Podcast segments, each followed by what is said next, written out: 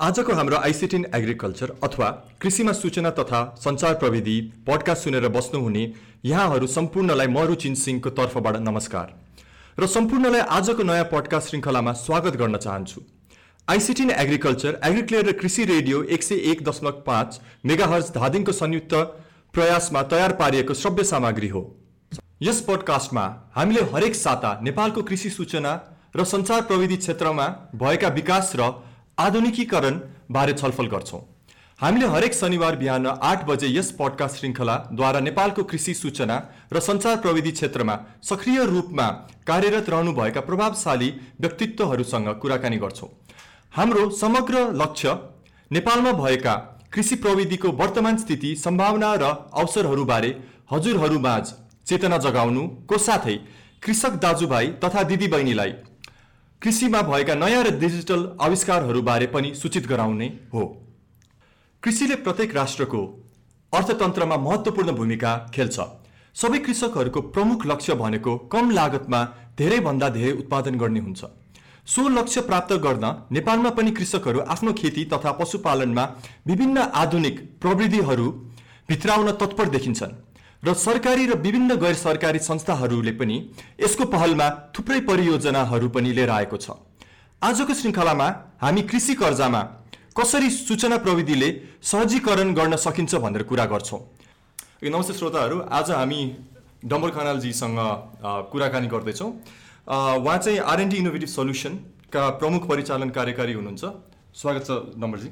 So हामी सुरु गर्न अगाडि हजुरको एउटा सानो छोटो मिठो परिचयबाट सुरु गरौँ न। सबैजनालाई नमस्ते। सम्पूर्ण श्रोता कृषक वर्गहरू जसले सुनिराख्नु भएको छ यो कार्यक्रम। म चाहिँ डम्बर खनाल विगत दस वर्षदेखि कृषि क्षेत्रमा काम गरिरहेको छु। खास गरी भन्ने कृषि क्षेत्रलाई चाहिने विभिन्न किसिमका सेवाहरू प्रविधिहरू आम किसानहरू माझ पुर्याउनको लागि सूचनाका कुराहरू भए त्यही क्षेत्रमा काम गरिरहेको छु। मेरो कम्पनीको नाम चाहिँ आरएनडी इनोभेटिभ सोल्युसन हो। त्यो कृषक र प्रविधि भन्ने पत्रिका पनि हाम्रै कम्पनीले निकाल्छ। अनि पछिल्लो समयमा आएर हामी पोस्ट हार्भेस्ट सम्बन्धी काम गरिरहेका छौँ। अनि अहिले यो लकडाउन भएपछि चाहिँ यो डिजिटल कर्जा विधिमा हामीले चाहिँ यो किसान क्रेडिट कार्ड मार्फत काम गरिरहेका छौँ। नमस्ते नमस्ते। सो हामी सुरुवात गर्दाखेरि चाहिँ यो हजुरलाई सोध्नु मन लागेको चाहिँ मलाई बुझ्न मन लागेको चाहिँ कृषि कर्जा भनेको के हो? अनि यसको नेपालमा स्थिति चाहिँ कस्तो छ? अनि यसमा त्यो जोडेर एउटा प्रश्न जोड्दाखेरि चाहिँ यो साना र मध्यम वर्गका किसानलाई चाहिँ यसले कसरी फाइदा गरिरहेको छ?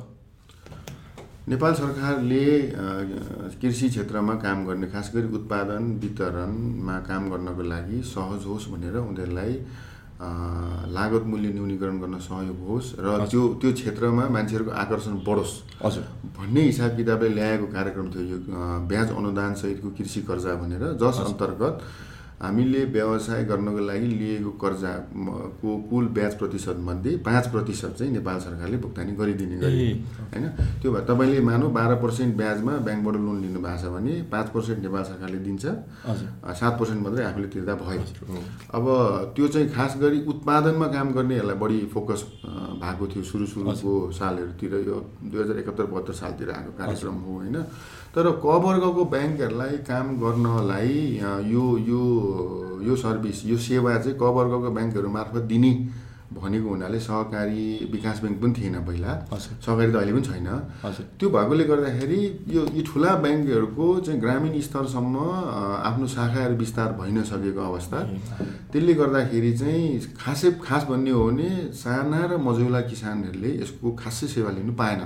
तथ्याङ्कले पनि त्यही भन्छ। किनभने दुई हजार सतहत्तर सालसम्म अडतिसदेखि चालिस हजारको बिचमा भएको यो त्यतिजना किसान या व्यवसायहरूले कर्जा लिएको कुरा छ। अनि यो पछिल्लो लकडाउनको बिचमा चाहिँ धेरै नै गरेर लगभग नब्बे हजार जतिले अहिले यो कर्जा लिइसकेका छन्।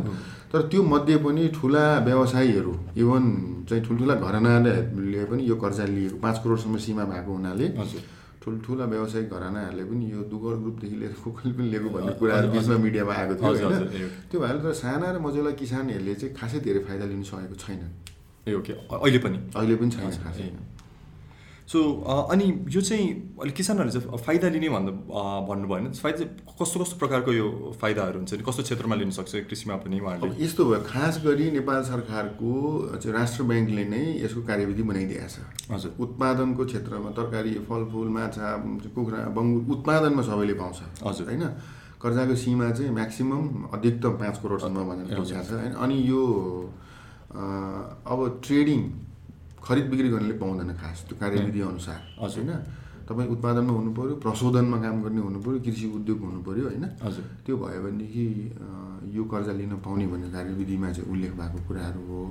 अब अब अहिले पछिल्लो क्रममा चाहिँ विदेशबाट फर्केर आउनेहरूलाई पनि अनि महिला उद्यमीहरू यदि कसैले महिलाहरूको नाममा चाहिँ सम्पत्ति धितो नहुने भएको हुनाले महिला उद्यमीहरूलाई उत्पादनमा काम गर्ने महिला उद्यमीहरूलाई बिना धितो चाहिँ दस पन्ध्र लाखसम्म कर्जा दिने भनेर त्यो पनि प्रोग्राम चाहिँ कार्यक्रम चाहिँ सरकारले राम्रै ल्याएको हुन्छ तर यो कार्यान्वयन स्तरमा गएर।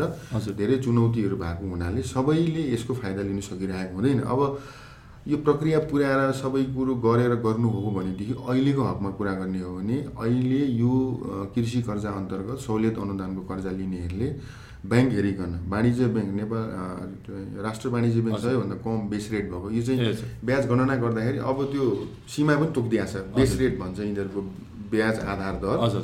आधार दरमा दुई पर्सेन्ट ब्याङ्कले एड गर्नु पाउँछ। सेवा शुल्कहरू केही पनि लिनु पाउँदैन।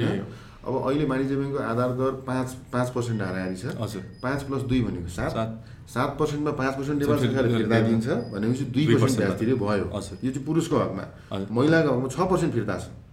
भनेपछि सात पर्सेन्टमा टोटल ब्याज भयो। छ पर्सेन्ट नेपाल सरकारले फिर्ता दिन्छ एक पर्सेन्ट ब्याज भनेको एक लाख लोन लिनेले एक वर्षको एक हजार ब्याज ब्याज पैसा। पायो। अब यो कर्जा लिनु पायो भने त धेरै फाइदा भयो होइन। लागत मूल्य घट्यो उसले व्यवसाय विस्तार गर्नु। पायो लगभग सातपट्टि जस्तो भयो नि अनि त्यसकारण साना र मझौला किसानले यो कर्जा पायो भने चाहिँ सायद यो हाम्रो कृषि क्षेत्रमा काया पलटै हुन्छ उत्पादन व्यापक रूपमा वृद्धि हुन्छ। त्यो आयात प्रतिस्थापन गर्नु मद्दत पुग्थ्यो तर राज्यले सोचे हिसाबले हजुर। ब्याङ्कको सेवाहरू तल्लो तहसम्म पुग्न सकेका छैन। सो यो तपाईँले अघि नै भन्नुभएको थियो यो पुरै फाइदा चाहिँ लिन सके कर्जा चाहिँ एकदमै सोचेको जस्तो गएको छैन होइन तपाईँको हुन्छ नि? यो किन कम चाहिँ यो कर्जा लिने कमको कारण के हो? मैले बुझ्न खोज्छ यो यो कर्जातिर नकारात्मक सोचाइ भएर हो कि कि यो ब्याङ्कको यो प्रक्रिया नै एकदमै तपाईँको गाह्रो भएर हुन्छ नि? यस्तो हो। कर्जा सापट्टि त हाम्रो समाजमा उहिलेदेखि चलेका कुराहरू हो, हजुर। होइन अब वित्तीय संस्थाबाट नभए साहुबाट लिने झर्के साहुको कुराहरू। थिए होइन धेरै उपन्यास फिल्महरू बनिएको छ हजुर, झर्के साहुको कहानी। तिस पर्सेन्ट पचास पर्सेन्ट ब्याजहरू लिने गरेकोले त्यो भएकोले गर्दाखेरि सामाजिक दबाब अलिअलि होला ब्याङ्कबाट लोन लिएर स्पेसली यो हाम्रो तराईतिर चाहिँ पहिला पहिला। ब्याङ्कबाट लोन लिनेहरूले त्यो समयमा पैसा नतिरेपछि उनीहरूको जग्गाहरू जग्गा खाने ब्याङ्क भन्ने। कुराहरू छ खास गरी तराई क्षेत्रहरूतिर। होइन। तर के छ भनेदेखि अब कर्जा नपाउनु चाहँदा चाहँदै पनि कर्जा नपाउने विभिन्न कारणहरू छन्। एक वित्तीय संस्थाहरूको ग्रामीण स्तरसम्म सेवा पुग्न सकेको छैन। त्यो नभएकोले गर्दाखेरि एक दिनको बाटो गाडी चढेर हिँडेर ब्याङ्कको शाखामा पुगेर बुझेर अनि फेरि आएर कागजात बुझाएर अनि फेरि त्यो ब्याङ्कको मान्छेहरूले त्यो गाउँसम्म आएर त्यहाँको चाहिँ वस्तुगत अवलोकन गरेर कर्जा दिने चाहिँ वातावरण बहुत कम छ। त्यो सम्भव छैन। अर्को कुरो ब्याङ्क वित्तीय संस्थाहरू एउटा चाहिँ प्रक्रियामा चल्छन्। होइन नेपाल सरकार अब चाहिँ राष्ट्र नेपाल राष्ट्र ब्याङ्कले नियमन गर्ने निकाय भएको हुनाले कर्जा दिँदाखेरि यो यो कागजातहरू अनिवार्य पेस गर्नुपर्छ है भन्ने हुन्छ। त्यो भएको हुनाले त्यो कागजातहरू नभइकन ब्याङ्कले कर्जा प्रक्रिया अगाडि बढाउन सक्दैन। कागजात सबै पुगे पनि ब्याङ्कलाई यदि यो पैसा चाहिँ लगानी चाहिँ डुब्छ यो रिटर्न आउँदैन यो पैसा चाहिँ फिर्ता हुँदैन भन्ने कुनै पनि पोइन्टबाट उसलाई शङ्का लाग्यो भने पनि उसले लगानी गर्दैन। किनभने ब्याङ्कले दिने लगानी भनेको कसैको बचतको पैसा हो कसैको लगानीको पैसा हो। अनि त्यो रिटर्न त्यो चाहिँ फिर्ता आउँदैन भन्ने कुरो अलिकति मात्रै शङ्का भयो भने उहाँहरूले लगानी गर्नुहुन्न किन त्यो पनि उहाँहरूको व्यवसाय हो होइन? अनि त्यस कारणले गर्दाखेरि दुइटै पाटाहरू छन्। कर्जा लिनु चाहने पनि त्यो प्रक्रियाकोमा सामेल हुनु पर्यो र त्यो मापदण्ड पुरा गर्नु पर्यो। र ब्याङ्कहरू पनि अब ग्रामीण तहसम्म पुग्नको लागि। यो कन्भेन्सनल ब्याङ्किङ भन्छ नि यो पुरानो ब्याङ्किङ सोचले अब पुग्दैन। हजुर। होइन उहाँहरूको खर्च बढ्ला। अनि त्यो भयो उहाँको नाफा कम होला। त्यो। डिभिडेन्ड कम होला। धेरैतिरबाट चुनौती आउँछ नि. ए यो ब्याङ्कले त चाहिँ नाफै नदिँदो रहेछ म किन लगानी गर्ने भन्ला होइन। हामी एज अ लगानीकर्ताको हिसाबले सोच्नु हो। भने। त्यो भएको हुनाले ब्याङ्कले पनि उसको काम पनि शैली चेन्ज गर्नु पर्यो। हजुर। र किसानहरूले पनि अब म चाहिँ किसान अङ्गुठा छाप मलाई केही पनि आउँदैन भन्ने हिसाबले भएन। आफूले पनि आफ्नो क्षमता अभिवृद्धि गर्नु पर्यो। हजुर। कर्जा लिन के के चाहिन्छ वित्तीय साक्षरता अब यो कर्जा सम्बन्धी साक्षरताका कार्यक्रमहरूमा सहभागी हुनु पर्यो सिक्नु पर्यो नि त। हजुर। त्यो कुरा दुवैपट्टिबाट चेन्जेस परिवर्तन आउनु जरुरी छ। रमेशजी हजुरले भने किसानको सोचाइ र ब्याङ्कले आफ्नो प्रक्रियाहरू चाहिँ अब परिवर्तन गर्नु पर्यो। सो हजुरले यो किसानको सोचाइबाट चाहिँ परिवर्तन किसानहरूले चाहिँ कताबाट ल्याउनु पर्छ हुन्छ नि त्यो चाहिँ एउटा। अब यस्तो अब के बुझ्नु पर्यो भने कृषि अब पेसा मात्रै होइन। होइन कृषिलाई व्यावसायिक रूपमा तपाईँले चाहिँ आफ्नो आम्दानीको स्रोत बनाउने त्योबाट चाहिँ पुँजी वृद्धि गर्ने पुँजी विकास गर्ने गरी तपाईँ व्यावसायिक रूपमा कृषिलाई अगाडि लान चाहनुहुन्छ भने व्यवसायको लागि चाहिने आधारभूत कुराहरू त गर्नु पऱ्यो नि त। हिसाब किताब राख्नु होइन आफ्नो सम्पत्तिको विवरणहरू राख्नु पर्यो। एटलिस्ट केही नभए पनि डेबुक आज मेरो आम्दानी यति खर्च यति ज्यालालाई यति पैसा तिरेँ मजदुरलाई यति पैसा तिरेँ यति चिजको बिउ किनेँ होइन? यो पैसा यहाँ खर्च गरेँ भन्ने एउटा सामान्य प्रारम्भिक डाटा त्यो तथ्याङ्क त राख्नु पऱ्यो उहाँले। अब ब्याङ्कले तथ्याङ्कको आधारमा पनि लगानी गर्ने हो कि? अब उसको चाहिँ अब परियोजना धितो राखेर कर्जा दिने भनेर नेपाल सरकारले नियम त ल्यायो हजुर। तर त्यो परियोजना धितो भनेको चाहिँ परियोजनाको त कागजात हुनु पऱ्यो नि त। होइन त्यो कागजातलाई चाहिँ किसानहरूले एटलिस्ट त्यो स्ट्यान्डर्ड अब करको लागि चाहिने त्यो स्ट्यान्डर्ड फर्मेटमा नभए पनि। आफ्नो हिसाब चाहिँ छर्लङ्ग देखिने गरी चाहिँ राख्नु पऱ्यो ताकि भोलिको दिनमा कसैले आएर त्यसलाई चाहिँ डिजिटाइज गरिदिनु सक्ला। हजुर। होइन? तर र डाटा त चाहियो। हजुर। होइन? त्यो चिज चाहिँ किसानले अपडेट गर्नै पर्छ। मेरो बारीको उत्पादन म किन हिसाब राख्ने भनेर हुँदैन अब, हजुर, होइन? त्यो चिजमा परिवर्तन गर्नु पर्यो। र अर्को कुरो नेपाल सरकारले नीति नियमहरू के ल्याएको छ? होइन। कर्जा लिनेको लागि यो यो डकुमेन्ट चाहिन्छ यो यो प्रक्रिया चाहिन्छ भनेर बगैँचा लेखिदिएकै छ। हजुर। त्यो हामीले पुरा त गर्नु पर्यो नि। अनि ऋण खाएपछि समयमा ब्याज तिर्नुपर्छ समयमा चाहिँ कर्जाको किस्ता भुक्तानी गर्नुपर्छ भन्ने कुरा त महसुस गर्नु हजुर। सामान्यतया समस्या के छ भने अरू अरू क्षेत्रमा व्यवसाय गर्नेहरूले पनि लोन ल्याएको धेरै ल्याएको छ नि तर उहाँहरूले ब्याङ्कसँगको सम्बन्धलाई एकदम समुदुर राख्नु भएको छ। कुनै दिन उहाँहरूले किस्ता मिस गर्नुहुन्न। मानौ यो पालि व्यवसायबाट घाटै लाग्यो भने पनि पहिल्यै ब्याङ्कलाई गएर निवेदन दिनुहुन्छ जानकारी दिनुहुन्छ। हामीलाई यो यो कारणले गर्दा समस्या भयो। हजुर। के छ? होइन चाहिँ अब छुट कसरी पाउने यसलाई बिस्तारै तिर्नको लागि प्रक्रिया के छ? त्यो प्रक्रियामा गएपछि त ब्याङ्कलाई पनि चित्त बुझ्छ नभएदेखि बुढीको सुन मागेर जाकटी राखेर पैसा लिएर पनि उसले टाइममा किस्ता तिरिरहेको छ। त्यो भएपछि एउटा जुत्ता व्यापारीले चाहिँ भनेको दिन भनेको टाइममा जति पनि पैसा पाउँछ किनभने। ब्याङ्कलाई विश्वास भयो। तर हाम्रो कृषिमा चाहिँ के समस्या छ भने त्यो हामीले पनि भोगिसकेका छौँ। अब यो महिना किस्ता तिर्नु पाइनँ अब मोबाइल अफ गरिदिने। ब्याङ्कको मान्छे आयो भने गाउँमा त थाहा हुन्छ। हजुर हजुर। तल आयो नि भट त्यो के मोटरसाइकलको आवाज आयो। पक्कै ब्याङ्कको मान्छे आयो भनेपछि बुढीलाई उता कहाँ जानु भएको छ भनिदियो भने त्यो टार्न खोज्ने क्या हो। त्यसरी हुँदैन। हामी प्रक्रियामा आउनु पऱ्यो व्यवसाय गर्दा गर्दै कहिले पैसा तिर्न गाह्रो भयो भने ब्याङ्कमा गएर जानकारी गराउनु पऱ्यो। यो हजुर। कारणले मलाई गाह्रो भर्यो। मेरो भैँसी मऱ्यो या केही भयो बाली बिग्रियो बिमालाई मैले क्लेम गरेँ। अब बिमाको कुरा बिमा भनेको खर्च भनेर उयो गर्नु भएन। भइपरि आएको समस्यालाई बिमाले चाहिँ टार्छ। त्यो भएकोले गर्दाखेरि बिमालाई चाहिँ एज अ लगानी एज अ इन्भेस्टमेन्ट भनेर ठान्नु हजुर। यो सोचमा परिवर्तन ल्याउनु जरुरी छ ओके। हाम्रो कार्यक्रममा अब अगाडि बढ्नु पूर्व हामीले सुनेर बस्नुभएका श्रोताहरू र जो नयाँ हामीसँग जोडिनु भएको छ उहाँहरूलाई अहिले आइसिटी इन एग्रिकल्चर अथवा कृषि र सूचना तथा सञ्चार प्रविधि पडकास्ट सुन्दै हुनुहुन्छ भनेर जानकारी गराउन चाहे। यो श्रव्य सामग्री एग्रिक्लेयर र कृषि रेडियोको संयुक्त प्रयासमा तयार पारिएको हो र यो पडकास्ट तपाईँ हरेक शनिबार बिहान आठ बजे कृषि रेडियो एक सय एक दशमलव पाँच मेगा हर्ज र कृषि रेडियोको website W W W dot Krishi radio dot ORG dot NP र एग्रिक्लियरको वेबसाइट एग्रिक्लियर डट आइओबाट संसारभरि सुन्न सक्नुहुन्छ। सो अर्कोतर्फ हुन्छ नि तपाईँले हेर्नुपर्ने अब यो किसान भयो अर्कोतर्फ यो बैङ्किङ संस- संस्थाहरू हेर्नु पर्यो सो यो प्रविधिले हुन्छ नि यो दुइटालाई यो ब्याङ्किङ संस्था र किसानलाई चाहिँ यो चाहिँ कसरी सहज बनाउन सक्छ या कसरी सहज बनाइरहेको छ अहिले? हुन्छ नि। अब यस्तो छ यो पछिल्लो समयमा नेपाल राष्ट्र ब्याङ्कले ब्याङ्कहरूलाई निकै दबाब दिएको छ तपाईँहरूले उत्पादनमुखी व्यवसायमा लगानी गर्नुहोस्। कोटै तोक दिएको छ कृषिमा लगानी भएकै हुनुपर्छ। शाखाले त्यो बेलालाई गर्नै पर्छ। त्यो चाहिँ नियमनकारी निकायले नै उहाँहरूलाई दबाब दिइसकेपछि ब्याङ्कहरू अहिले चाहिँ कृषिमा लगानी गर्नलाई आतुर छन्। हजुर। तर के छ भने ब्याङ्कको प्रक्रिया त पुरा गर्नु पऱ्यो फेरि। हजुर। होइन कर्जा लिने प्रक्रिया चाहिँ एक करोड कर्जा लिने पाँच करोड कर्जा लिने र एक लाख कर्जा लिने प्रक्रिया एउटै छ। हजुर। त्यो भएको हुनाले गर्दाखेरि ब्याङ्क आतुर हुँदाहुँदै पनि चाहँदा चाहँदै पनि उहाँहरूको पनि अब त्यो काम गर्ने कर्मचारीको अभाव छ। हजुर। दुर्गम स्थानमा शाखा सञ्चालन गर्नु गाह्रो छ। इन्टरनेट जोडिया हुँदैन खातै चल्दैन होइन? त्यो सबै चिज हेर्दाखेरि चाहिँ उहाँहरूलाई पनि चुनौती भएकोले गर्दाखेरि हामीले चाहिँ यो किसानको क्षेत्रमा र चाहिँ ब्याङ्कहरूको क्षेत्रमा दुवैतिर यो समस्या छ। त्यो भएको हुनाले यसलाई सूचना प्रविधिको आधारमा यसलाई कसरी सहजीकरण गर्न सकिन्छ? भन्ने हिसाब किताबले नै हामीले यो काम गर्न सुरु गरेका छौँ अहिले अब खास गरी सहरी क्षेत्रमा चाहिँ यो पछिल्लो कोभिड यो कोरोनाको चाहिँ समस्या उत्पन्न भइसकेपछि डिजिटल भुक्तानी चिजहरू बढे। होइन आइपिएसको आइपिएस प्रयोग गरेर भुक्तानी गर्ने। चाहिँ निकै गुणाले। वृद्धि भएर गयो होइन। अब हामीले पनि वालेटहरूको यो चाहिँ प्रयोगलाई बढायौँ। बिजुली पानीको बिल तिर्नु पनि हामी जाँदैनौँ तर गाउँमा चाहिँ त्यो सेवा पुग्न सकेको छैन यो यो सेवाहरू जति पनि छ सबै सहर केन्द्रितै छ जहाँ। इन्टरनेटको चाहिँ सेवा राम्रो छ जहाँ चाहिँ स्मार्टफोन छ जसलाई चाहिँ जहाँ चाहिँ डिजिटल साक्षरता होइन।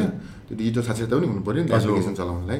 त्यो भएको ठाउँमा चाहिँ यो चिजहरूले राम्ररी विकास गर्यो तर ग्रामीण क्षेत्रमा इन्टरनेट पनि विक छ अनि किसानसँग स्मार्टफोन पनि छैन। उहाँहरूलाई चाहिँ डिजिटल साक्षरता पनि छैन।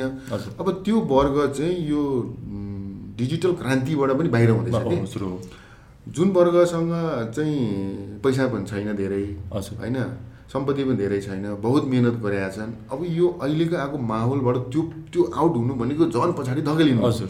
त्यो भएकोले हामीले चाहिँ किसान र ब्याङ्कलाई चाहिँ सूचना प्रविधि मार्फत कसरी सेवा पुर्याउने भन्ने हिसाब किताबले काम गर्दै जाँदा अहिले ब्याङ्कहरूको बढी समय खर्च कहाँ हुन्छ भन्दाखेरि त्यो त्यहाँ फिल्डमा जानुपर्ने दुई तिनचोटि भेट्नुपर्ने किसानलाई दुई तिनचोटि ब्याङ्कमा बोलाउनु पर्ने कागजातहरू यो पुगेन भन्नुपर्ने त्यसले ब्याङ्क म्यानेजरको त्यो लोन दिने हाकिमको समय पनि खेर गयो। अनि किसानलाई बुझाउँदा बुझाउँदा नि उहाँले बिजनेस प्लान ल्याऊ भन्दाखेरि उसले के ल्याउने बिजनेस. मेरो पाँचवटा भैँसी छन् भन्ने हो। उसले त्यो भएकोले त्यो प्रक्रियालाई चाहिँ त्यो जुन लेन्दी प्रक्रिया थियो समय लाग्ने बार बार दुःख पाउनु पर्ने त्यसले गर्दा किसानले झन्झटिलो छ ब्याङ्कबाट लोन दिँदैन भन्नु कारण त्यो। अहिले उहाँले कागजात लिएर जानुहुन्छ नागरिक तर लाल पूर्जाको फोटोकपी। व्यवसाय दर्ता खोइ भन्दा अनि फेरि अर्कोचोटि व्यवसाय दर्ता लिएर आउनुहुन्छ अब ट्याक्स क्लियरेन्स पनि चाहियो कि? ट्याक्स क्लियरेन्स त हुन्न त्यहाँ मिसिङ। हुन्छ। त्यो किसानहरूले बुझाउनु पर्ने सबै कागजातहरू र प्रक्रियाबारे नबुझ्दाखेरि उहाँले धेरैचोटि ब्याङ्क जानुपर्ने हुन्छ। अनि। त्यसले उहाँहरूलाई पनि दिक्क लाग्छ र ब्याङ्कका कर्मचारीलाई पनि दिक्क लाग्छ। हजुर अनि त्यो भएकोले यो प्रक्रियालाई सहजीकरण गर्ने र अनि त्यसको लागि हामीले चाहिँ ब्याङ्कलाई चाहिने कागजातहरू के के हो? त्यो ब्याङ्कसँग सबै कुरा सरसल्लाह भइसकेपछि कुनै पनि किसानलाई लोन दिनको लागि के के कागजात चाहिन्छ भन्ने कुरा सबै कुरो पहिल्यै तय भइसकेपछि ती कागजात भेला गर्न अब गाउँपालिका स्तरमा कहीँ कहीँ पालिकाले नै कर्मचारी राखिदिनु भएको छ। कहीँ हामीले पठाइदिएका छौँ होइन? अनि त्यो उहाँहरू घर घर गएर लाल पूर्जाको फोटोकपी नागरिकताको फोटोकपी सबै खिचिदिने कि। अनि खिचेर त्यो कागजातलाई हामीले एउटा फाइल ब्याङ्कलाई चाहिँ चाहिने ब्याङ्कले प्रयोग गर्नु मिल्ने फाइलको रूपमा त्यसलाई परिवर्तन गरेर सम्बन्धित शाखाको अ, कर्जा हेर्ने हाकिमको इमेलमा हामी पठाइदिन्छौँ अनि त्यो कागजातहरू उहाँले हेरिसकेपछि अनि त्यो टोलमा अब कि गाउँमा जानु पऱ्यो फेरि हेर्न जानु पऱ्यो। त्यो टोलमा पाँच सातजना दसजनाको एउटा भोल्युम भएपछि। यतिजनाको भएपछि आउने भन्ने छ। दसजना भएपछि चाहिँ ब्याङ्कबाट मान्छेहरू जानुहुन्छ हेर्नुहुन्छ सबै कुरा। अनि त्यतिखेर त्यो प्रक्रिया सकियो। हजुर। त्यो त्यो कर्जा पनि अनि उहाँहरूले चाहिँ कर्जा एप्रुभ हुन्छ। हजुर। अनि कर्जा पास भइसकेपछि त्यो कर्जालाई चाहिँ हामीले के गरेका छौँ भन्दाखेरि किसानहरूलाई के छ भने एउटा च्यालेन्ज चेक मार्फत भुक्तानी डिजिटल्ली उहाँहरूसँग लिट्रेसी अब त्यो चलाउने साक्षरता छैन। अनि चेकमा पनि साइन मिल्दैन कि। साइन नमिलेपछि भुक्तानी पाउँदैन। होइन? अनि उहाँहरूले कसैलाई चेक काटेर दिनुभयो थर्ड पार्टीलाई दियो भने त त्यो बिचराले उसले चेक लिएर जान्छ यो साइन मिलेन भने फेरि किसानबाट पुग्नु पऱ्यो। अनि त्यो भएकोले यो भुक्तानीको माध्यमको लागि चाहिँ अब किसानले खर्च गर्ने पैसाहरू त उहाँले बिउ मल कुटु कोदालो औजारहरू नै किन्ने हो। त्यो उहाँहरू जुन जुन पसलमा गएर किन्नुहुन्छ त्यो पसलमा त्यो कार्ड कर्जा बापतको पैसा सानो कर्जाको हकमा कुरा गर्दैछु म यो दुई लाखसम्मको लागि। त्यो कार्ड लिएर गएर उहाँले चाहिने सामान किनेर त्यो कार्ड दिएपछि अनि त्यो व्यापारीले चाहिँ त्यो भुक्तानी लिने प्रक्रिया सम्पन्न गर्छ। म एकछिन तपाईँलाई रोक्छु। यसमा चाहिँ अलिकति अ, कुरा चाहिँ मैले सोध्नु खोज्दा हुन्छ यो हजुरहरूको यो सुरु गर्न तर किसान क्रेडिट कार्डको बारेमा भन्नु बरु त्यसबाट अलिकति सुरु गरेर नि हजुरले फेरि एकचोटि भन्यो भने चाहिँ अलिकति यो बुझ्छ। यो किसान क्रेडिट कार्डलाई चाहिँ अहिले हामीले अघि जुन हामीले कुरा गऱ्यौँ यो प्रक्रियामा कागजी प्रक्रिया धेरै छ। ब्याङ्कको पार्टमा पनि र चाहिँ किसानको पार्टमा पनि होइन? त्यसलाई चाहिँ बिस्तारै अब एकैचोटि त भन्न शत प्रतिशत डिजिटाइज गर्नको लागि तर बिस्तारै गर्न सक्ने सम्मको कामहरूलाई डिजिटाइज गर्दै जाने ब्याङ्कको भूमिकालाई पनि ब्याङ्कले पनि गर्नुपर्ने कामहरूलाई न्यूनीकरण गरिदिने। अनि किसानले पनि धेरैचोटि ब्रान्चमा जानुपर्ने झन्झटबाट मुक्ति दिने। गरी हामीले त्यो कागजी प्रक्रियाहरूलाई चाहिँ डिजिटाइज गरेर त्यो किसानले बुझाउनु पर्ने कागजातहरू सबै कुरा चाहिँ त्यहाँ फिल्डमा जाने कर्मचारीहरूले ब्याङ्क गैर ब्याङ्किङ कर्मचारीले त्यो कहीँ चाहिँ पालिकाबाट गइराख्नु भएको छ कहीँ हाम्रै कम्पनीबाट मान्छेहरू गइराख्नु भएको छ होइन कहीँ वडा कार्यालयले त्यो काम गरिदिइरहेको छ। त्यो भइसकिसकेपछि कर्जा पनि चाहिँ त्यो पैसा खर्च गर्ने माध्यमको लागि एउटा कार्ड बनाइदिएको छ। ओके। त्यो कार्ड चाहिँ कस्तो हो भनेदेखि यो क्युआर प्रविधिमा आधारित छ। त्यो किसानको परिचय पत्र जस्तै हो। होइन। त्यो कार्डमा चाहिँ क्युआर कोड हुन्छ। त्यो क्युआर कोड उहाँहरू जहाँ गएर सामान किन्ने मानव कुनै किसानको दुई लाख रुपियाँ लोन पास भएको छ भने। त्यो कार्डमा दुई लाख रुपियाँ हुन्छ तर त्यो कार्ड एटिएम मेसिनबाट पैसा निकाल्नु मिल्दैन। त्यो कार्डबाट नगद कारोबार नगर्ने भनेको छ ब्याङ्कले यसलाई निरुत्साहित गर्नुको कारण के हो भने त्यो किसानले खर्च गरेको कहाँ हो भन्ने कुरो थाहा हुनु अँ। होइन? अनि उसले कारोबार गर्दाखेरि कुन शीर्षकमा खर्च गर्यो भन्ने कुरो थाहा पाउँछ हजुर। अहिले ब्याङ्कहरूले त्यो कार्ड चाहिँ यो बिउ बिजन पसलहरूमा जहाँ किसानले गएर आफ्नो उत्पादनको लागि चाहिने सामानहरू किन्ने पसलहरू छ त्यहाँ मात्रै चल्छ यो कार्ड हजुर भानपट्टि नै चल्दैन, हजुर। कुनै रेस्टुरेन्टमा पनि चल्दैन। त्यो भएपछि उसले आफ्नो व्यवसायभन्दा बाहिर त्यो पैसा खर्च गर्नु पाएन। अनि बल्ल नेपाल सरकारको जुन त्यो कार्यक्रम थियो कृषि कर्जा अनि बल्ल चाहिँ त्यो चाहिँ प्रभावकारी रूपमा जाने भयो क्या। अनि त्यो अब नियमन गर्न पनि सजिलो भयो र हजुर। यसले के हुने भयो भनेदेखि तपाईँ हामीलाई हामी जो कृषिमा काम गरिरहेका छौँ हामीलाई तथ्याङ्क नभएर एकदम गाह्रो भएको छ। अब किसानहरूलाई जतिसुकै भने पनि उहाँले सामान्य किसानहरूले तथ्याङ्क दिनु भन्दाखेरि त्यो सम्भव छैन। किसानबाट तथ्याङ्क लिनु गाह्रो छ। उसले बिउ किन्यो कि मल किन्यो कि के गर्यो उहाँले गरेको कामको रेकर्ड लिनु हामी सक्दैनौँ। घर घर गएर यो चाहिँ चेन्ज भइराख्ने भएको हुनाले यो त दुई दुई महिना तिन तिन महिनामा एउटा सिजन अनुसार परिवर्तन हुन्छ। हजुर। फेरि घर घर गएर तिन तिन महिनामा को जाने? खर्चिलो हुन्छ प्रक्रिया। त्यो भएकोले एउटा चाहिँ यसको फाइदा भनौँ या हाम्रो हाम्रो क्षेत्रलाई सजिलो हुने चाहिँ के हो भनेदेखि सूचना प्रविधिको प्रयोगले गर्दा यो कर्जा सँगसँगै किसानले केमा खर्च गर्यो? आजको दिनमा। उसले। कार्डले के सामान किन्यो। बिउ किन्यो कि मल किन्यो कि? यो गाउँपालिकाभरिको किसानले आजको डेटमा। के किने त। गाउँको बिउ किन्यो धानको बिउ किन्यो सबै तथ्याङ्क। अटोमेटिक आउने भयो। त्यो पालिकाले त्यसलाई हेरेर त्यसको आधारमा कार्यक्रमहरू तय गर्न पाउने भयो यदि कुनै पालिकामा खोर्सानीको बिउ बढी बिक्री भएको छ भने त्यो पालिकाले खोर्सानी सम्बन्धी कार्यक्रम मा चाहिँ फोकस गर्नु पर्यो नि त हो। गोलबाट किन गर्ने होइन त्यो भएर तथ्याङ्क लिने काम। पनि यो यो सिस्टमबाट हुने भएको। अ, यसले चाहिँ समग्र क्षेत्रलाई नै फाइदा पुग्छ भन्ने। कुरा। सो मैले यसको यो किसान क्रेडिट कार्डको बारे अलिकति बुझ्न खोजेको छ। अहिले हजुरहरूको कतिजनाले चलाइरहेको किसानहरूले चलाइरहेको छ अनि तपाईँहरू कतिजना अ, ब्याङ्क ब्याङ्किङ संस्थाहरू छ आबद्ध हुनुहुन्छ? यस्तो छ अहिलेसम्म हामीले कार्डै वितरण गर्नु थालेको ब्याङ्क तिनवटा ब्याङ्क छन्। हजुर। ए सरी तिनवटा भने दुइटाले मेगा ब्याङ्कले नेपाल बङ्गलादेश ब्याङ्कले। यो कार्ड वितरण सुरु गरिसकेको छ। हाम्रो नेटवर्क अन्तर्गत चाहिँ कृषि विकास ब्याङ्कले पनि सुरु गरिसकेको छ। होइन? अब यो यो यो प्रणालीमा आबद्ध हुने ब्याङ्कहरू नौवटा छन्। उहाँहरूको सिस्टममा हामी अहिले काम गरिरहेका छौँ होइन? अब यसले चाहिँ हाम्रो योजना चाहिँ के छ भनेदेखि पालिका स्तरमा जुन पालिकामा जुन ब्याङ्क छ अहिले राष्ट्र ब्याङ्कले हरेक पालिकामा ब्याङ्क जाऊ भनेर तोकिदिएको छ। होइन? अनि मकवानपुर गढीमा नेपाल बङ्गलादेश ब्याङ्कको शाखा छ। त्यो गाउँपालिकासँगै हुन्छ कि? हजुर। त्यो भएको हुनाले गर्दा मकवानपुर गढीमा मकवानपुर गढी गाउँपालिका मकवानपुरमा नेपाल बङ्गलादेश ब्याङ्कले। साठी सत्तरीजना किसानलाई दिइसक्यो। अरू डेढ डेढ दुई सयवटा प्रक्रियामा छन्। हजुर। अब यो चाहिँ अहिले के छ भने सुरुको बेलामा बिना धितोसम्म दुई लाखसम्म कर्जा दिने। तर त्यो पालिकाले रेकमेन्ड चाहिँ गर्नु सिफारिस चाहिँ गर्नु पऱ्यो कि यो। किसान हो भन्ने। कुरा होइन? अनि- अनि अब ऊ खेतीपातीमै गर्छ भन्ने कुरो प्रमाणित हुनु पऱ्यो। नि त गाउँपालिकाले नै। सिफारिस गरेको आधारमा ब्याङ्कले दुई लाख रुपियाँ धितो बिना कर्जा दिएको छ त्यसले उसले उसको व्यवसायलाई चाहिने आधारभूत सामग्रीहरू खरिद गर्नु पायो। त्यसको सारा रेकर्ड ब्याङ्कले हेर्नु मिल्छ पालिकाले पनि हेर्नु मिल्छ। भोलि राम्रो गरेको खण्डमा उसले त्यो तिर्नुपर्ने पैसाहरू टाइममै तिर्यो व्यवसाय राम्रो गऱ्यो भने दस लाख बिस लाख पन्ध्र लाख ब्याङ्कले दिइहाल्छ नि। होइन, राम्रो कस्टमर पायो भने ब्याङ्कले दिइहाल्छ। सो अहिलेको हाम्रो उद्देश्य चाहिँ सबै किसानहरूलाई ब्याङ्कमा जोड दिने एउटा सानो रकमबाट चाहिँ वित्तीय पहुँच पुर्याउने। अब त्यो मध्ये राम्रो गर्ने भोलि करोड पनि लिने बन्ला। फटाइ गर्ने त दुई लाखमै स्टप भयो नि त। अब ऊ कालो सूचीमा जान्छ। उसले कुनै पनि ब्याङ्कबाट हजुर। गर्न नपाउने हुन्छ।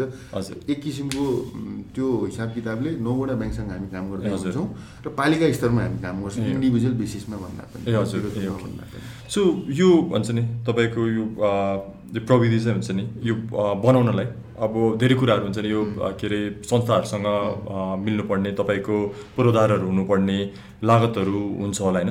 तपाईँ यो यो चाहिँ अहिले स्थिति चाहिँ कस्तो छ हुन्छ नि बनाउँदाखेरि हुन्छ नि प्रविधि तपाईँको सूचना प्रविधि बनाउँदाखेरि चाहिँ यसरी? अब यो के छ भनेदेखि हामीले चाहिँ अहिले संसारभर चाहिँ यो क्युआर प्रविधि एकदम फेमसमा आयो भुक्तानीको लागि। हजुर। तर अहिले संसारभर चलेको प्रविधिले हाम्रो किसानहरूको चाहिँ समस्या हल नगर्ने भयो। डिजिटल प्रणालीमा त जाने हजुर। तर अहिले त के छ भने हामीले जति पनि यो चाहिँ डिजिटल भुक्तानी प्रविधि प्रयोग गर्छौँ। पैसा तिर्ने मान्छेसँग स्मार्टफोन हुन्छ उसँग। इन्टरनेट कनेक्टिभिटी हुन्छ। उसँग डेबिट एकाउन्ट हुन्छ। होइन लिङ्क भएको एकाउन्ट हुन्छ। त्यहाँ जोडियो पैसा भएको खाता हुन्छ। तर हाम्रा किसानसँग स्मार्टफोन पनि छैन हजुर इन्टरनेटको पहुँच पनि छैन र उहाँहरूको एकाउन्टमा पैसा पनि हुन्न हजुर हजुर अब त्यो भइसकेपछि त एकदम चुनौतीपूर्ण भयो। अब डिजिटाइज अब यो डिजिटल प्रविधि डिजिटल युगमा उहाँहरू यो यो चिजबाट वञ्चित हुनुभयो भने झन् पछाडि पर्ने हो उहाँ त्यो भएकोले ल्याउनु त छ हामीले जसरी पनि। त्यो भएकोले हामीले अलिक भिन्न तरिकाले काम गर्ने चाहिँ सोच्नु पऱ्यो क्या। त्यो भएको हुँदा हाम्रो यो क्युआर के छ भने अहिलेको ठ्याक्कै उल्टो छ। अब भुक्तानी गर्ने मान्छेले चाहिँ किसानले चाहिँ स्क्यान गर्दैन। हजुर। जहाँ उसले सामान किन्ने हो त्यो व्यापारीले चाहिँ किसानको कार्ड स्क्यान गर्छ। किनभने व्यापारीसँग स्मार्टफोन पनि छ। हजुर। अनि उसँग इन्टरनेट पनि छ हजुर। उसको व्यापार पनि छ होइन। त्यो भइसकिसकेपछि हामीले ठ्याक्क रिभर्स उल्टो सोच्नुपर्ने भएको हुनाले हामीलाई अब त्यो प्रोग्रामहरू डिजाइन गर्ने सबै कुरा। अनि यो यो चिजले ब्याङ्कलाई कन्भिन्स गर्न पनि गाह्रो पऱ्यो हजुर। किनभने होइन तपाईँको त उल्टो रहेछ भन्नुहुन्छ होइन। उल्टो त आवश्यकै छ हामीलाई। होइन भोलिको दिनमा किसानहरू जब सबै कुराले सक्षम हुन्छन् अनि होइन।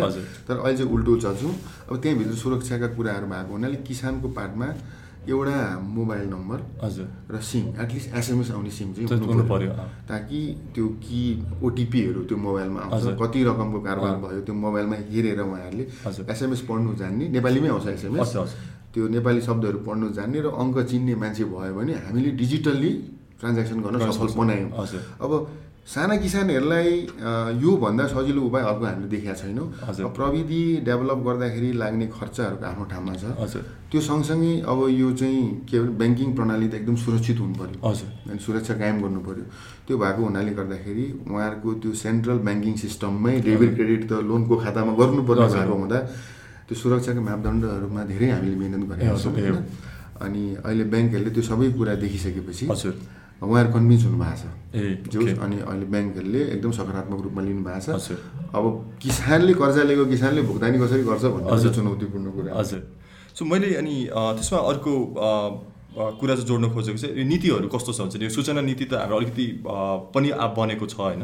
हजुर त्यसको नीतिले केही प्रभावहरू गरेको छ तपाईँ बनाउँदाखेरि? अब यस्तो छ अब क्युआर कोड क्युआर चाहिँ इन्टर अपरेटेबल हुनुपर्छ भनेको छ। हजुर। अनि राज्यको निकायले राष्ट्र। ब्याङ्कले। हजुर। तर अहिले हामीले इन्टर अपरेटेबलमा जाने हो भनेदेखि अर्को चाहिँ कम्प्लिकेसन आउँछ। हजुर। अनि अब हामीले चाहिँ अब अहिले प्राथमिक चरणमा भएको र किसानहरूले पनि वित्तीय साक्षरता र यो डिजिटल साक्षरता भोलिको दिनमा उहाँहरू सक्षम भयो भने इन्टर अपरेटेबलमा जाउँला। हजुर। तर अहिले चाहिँ हामीले ब्याङ्क त्यही ब्याङ्क त्यही ब्याङ्क क्या? मेगा ब्याङ्कको किसान छ भने मेगा ब्याङ्ककै मेगा ब्याङ्कै मर्चेन्ट हुनु हजुर। अब मर्चेन्टले त जतिवटा ब्याङ्कमा पनि एकाउन्ट खोल्न सक्छ नि त हजुर, हजुर। होइन त्यो भइसकेपछि एक किसिमको कम्प्लिकेसनबाट चाहिँ एक किसिमको जटिलताबाट चाहिँ हामी मुक्ति भएको छौँ। अहिले त्यही ब्याङ्कको एकाउन्ट त्यही त्यही ब्याङ्कमा सेटल गर्ने भएपछि धेरै जटिलता चाहिँ। आएन तर भोलि अन्तर ब्याङ्क कारोबार गर्नु मिल्ने मेगा ब्याङ्कको किसान क्रेडिट कार्ड बोक्ने किसानले नबिल ब्याङ्कको मर्चेन्टकोमा गएर भुक्तानी गर्नुपर्ने भएपछि त्यहाँ कस्ट पनि बढ्ला हजुर हजुर त्यो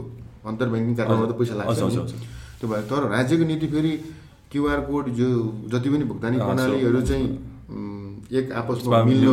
गर्न मिल्ने बनाऊ भनिराख्नु भएको छ। होइन अब यो च्यालेन्ज पनि छ अब एक। किसिम राम्रो चाहिँ हो तर हामी कसरी गर्ने भनेर सोचिरहेका। छौँ अब वित्तीय साक्षरताका कुराहरूमा अब गाउँ गाउँमा गएर किसानहरूलाई पढाउनु पर्ने खर्च बढी छ अब त्यो कहाँबाट होला भन्ने कुराहरू हामीले अब अहिले जस वर्कआउट गर्दैछौँ ए ओके सो हुन्छ तपाईँ सो अन्त्यमा हुन्छ हजुरले हाम्रो श्रोताहरूलाई के हुन्छ नि यो के भन्न चाहनुहुन्छ अन्त्य गर्न म एउटा कुरा के भन्छु भने अब वित्तीय पहुँच बिना कृषिको विकास हुँदैन। यो कुरो प्रमाणित भयो होइन। अब अरू क्षेत्रहरूमा ब्याङ्कहरूको पहुँच पुग्यो पैसा लगानी गर्ने टाइममा लगानी गर्ने पैसाहरू पाए त्यो भएर उहाँहरूको उत्पादन वृद्धि भयो होला बजार विकास भयो होला स्टक राम्रो गर्नु पायो होला। तर कृषिमा पनि त्यसरी किसानहरूले चाहिएको बखत उहाँहरूलाई अब मानौँ कसैलाई पाँचवटा गाई किन्नु पऱ्यो भने पैसा चाहिँ पाउनु पऱ्यो। होइन? अनि वित्तीय पहुँच नपुर्याइ हाम्रो उत्पादकत्व पनि वृद्धि हुँदैन उत्पादन पनि वृद्धि हुँदैन कृषिको क्षेत्र पनि विस्तार हुन्न। तर त्यो सँगसँगै ब्याङ्कहरू लगानी गर्न तयार छन्। तर त्यो सँगसँगै किसानहरू पनि अनुशासित हुनु पर्यो। त्यो कर्जा रकमलाई सदुपयोग गरिदिनु पर्यो समयमा भुक्तानी गरिदिनु पर्यो र। कर्जा लिने प्रक्रिया चाहिँ झन्झटिलो छ भनेर भाग्नु भएन। हामी त्यो चाहिँ झन्झटलाई सहजीकरण गर्नेतिर कसरी लाग्ने? हाम्रो चाहिँ हिसाब किताबको ब्याङ्कले हेर्ने भनेको तपाईँको बिजनेस प्लान हो होइन। अनि हिसाब किताबको रेकर्ड हो त्यो चिज त आधारभूत कुराहरू त गर्नु पऱ्यो हामीले। म किसान म चाहिँ जान्दिनँ भएन। अब त्यो तपाईँ सक्नुहुन्न भने सक्ने मान्छेलाई चाहिँ कर्मचारीको रूपमा राख्नु पर्यो हजुर। अब कर्मचारी राखेपछि तलब दिनुपर्छ। त्यो व्यवसायलाई त्यही अनुसार विस्तार पनि गर्नु पऱ्यो नि त होइन। त्यो भएकोले किसानहरू पनि चाहिँ गर्नुपर्ने चिजहरू चाहिँ गर्नुपर्छ। त्यस कारण अनुशासित भनौँ वित्तीय वित्तीय अनुशासन कायम गरौँ। अहिले तपाईँले दुई लाखबाट सुरु गर्नुभएको कर्जा भोलिको दिनमा दुई करोड पनि पुग्न सक्छ तपाईँले वित्तीय अनुशासन कायम गर्नुभयो भने समयमा। तिर्नुभयो ब्याङ्कसँग समय समयमा कम्युनिकेसन चाहिँ जाने भेट्ने। मलाई समस्या आइरहेको छ ब्याङ्कलाई साथी बनाऊ। आफ्नो समस्याहरू राखौँ ब्याङ्कले तपाईँलाई सहयोग गर्छ हजुर तर अब त्यो वित्तीय अनुशासन पनि कायम नगर्ने प्रक्रियामा पनि। नजाने भयो भनेदेखि ब्याङ्कले कर्जा दिँदैन। अनि त्यो कर्जा पाएन भने व्यवसाय कसरी विस्तार गर्ने होइन। त्यस कारण म के भन्छु भने तपाईँहरूले आफूसँग नभएका गुणहरूलाई चाहिँ विकास गर्नु पऱ्यो अब। वित्तीय साक्षरतामा क्लास कहीँ हुँदैछन् पालिकालाई भन्नु पऱ्यो हामीलाई वित्तीय साक्षरता कार्यक्रम राख्थ्यौँ अनुदान मेसिनमा मात्रै अनुदान नभन्ने। हजुर। अनि त्यहाँ डिजिटल साक्षरता मोबाइलहरू राम्ररी कसरी चलाउने। सुरक्षित रूपमा कसरी चलाउने होइन। भुक्तानी चाहिँ विद्युतीय भुक्तानीहरूलाई कसरी प्रयोगमा ल्याउने भनेर पालिकाहरूसँग कुरा राख्न सक्नुहुन्छ नि। त्यो कुराहरू राख्नुहोस् होइन? अनि व्यवसायलाई अब व्यावसायिक रूपमा सोच्ने परिपाटीको विकास गरौँ। त्यति भयो भने ब्याङ्क बाध्य भएर आउँछ हाम्रोमा। हजुर। अनि चाहिँ काम गर्नु सजिलो हुन्छ। अब सहजीकरणको लागि हामीले त सहजीकरणको लागि काम गर्ने हो। अब आएका समस्याहरू तपाईँले राख्ने गर्नु पऱ्यो भन्ने गर्नु पऱ्यो अनि यो भयो भनेदेखि बिस्तारै समस्या हल हुँदै जान्छ। आई थिङ्क हुन्छ। नम्बरजी हुन्छ त्य- त्यतिमै हाम्रो आजको कार्यक्रम अन्त्य गरौँ। हुन्छ नि? श्रोताहरूलाई धन्यवाद। र अन्त्यमा हाम्रो podcast series ICT in agriculture सुनेर बस्नु भएको सम्पूर्ण श्रोताहरूलाई धन्यवाद दिँदै हाम्रो आगामी अङ्क सुनिदिनुहुन्छ भन्ने विश्वासका साथ पडकास्ट उत्पादन र प्रसारणमा सहयोग गर्ने सबै सहकर्मीलाई धन्यवाद दिँदै म रुचिन सिंह पनि बिदा हुन्छु। तपाईँहरूको दिन शुभ रहोस् सुरक्षित रहनुहोस्। नमस्कार।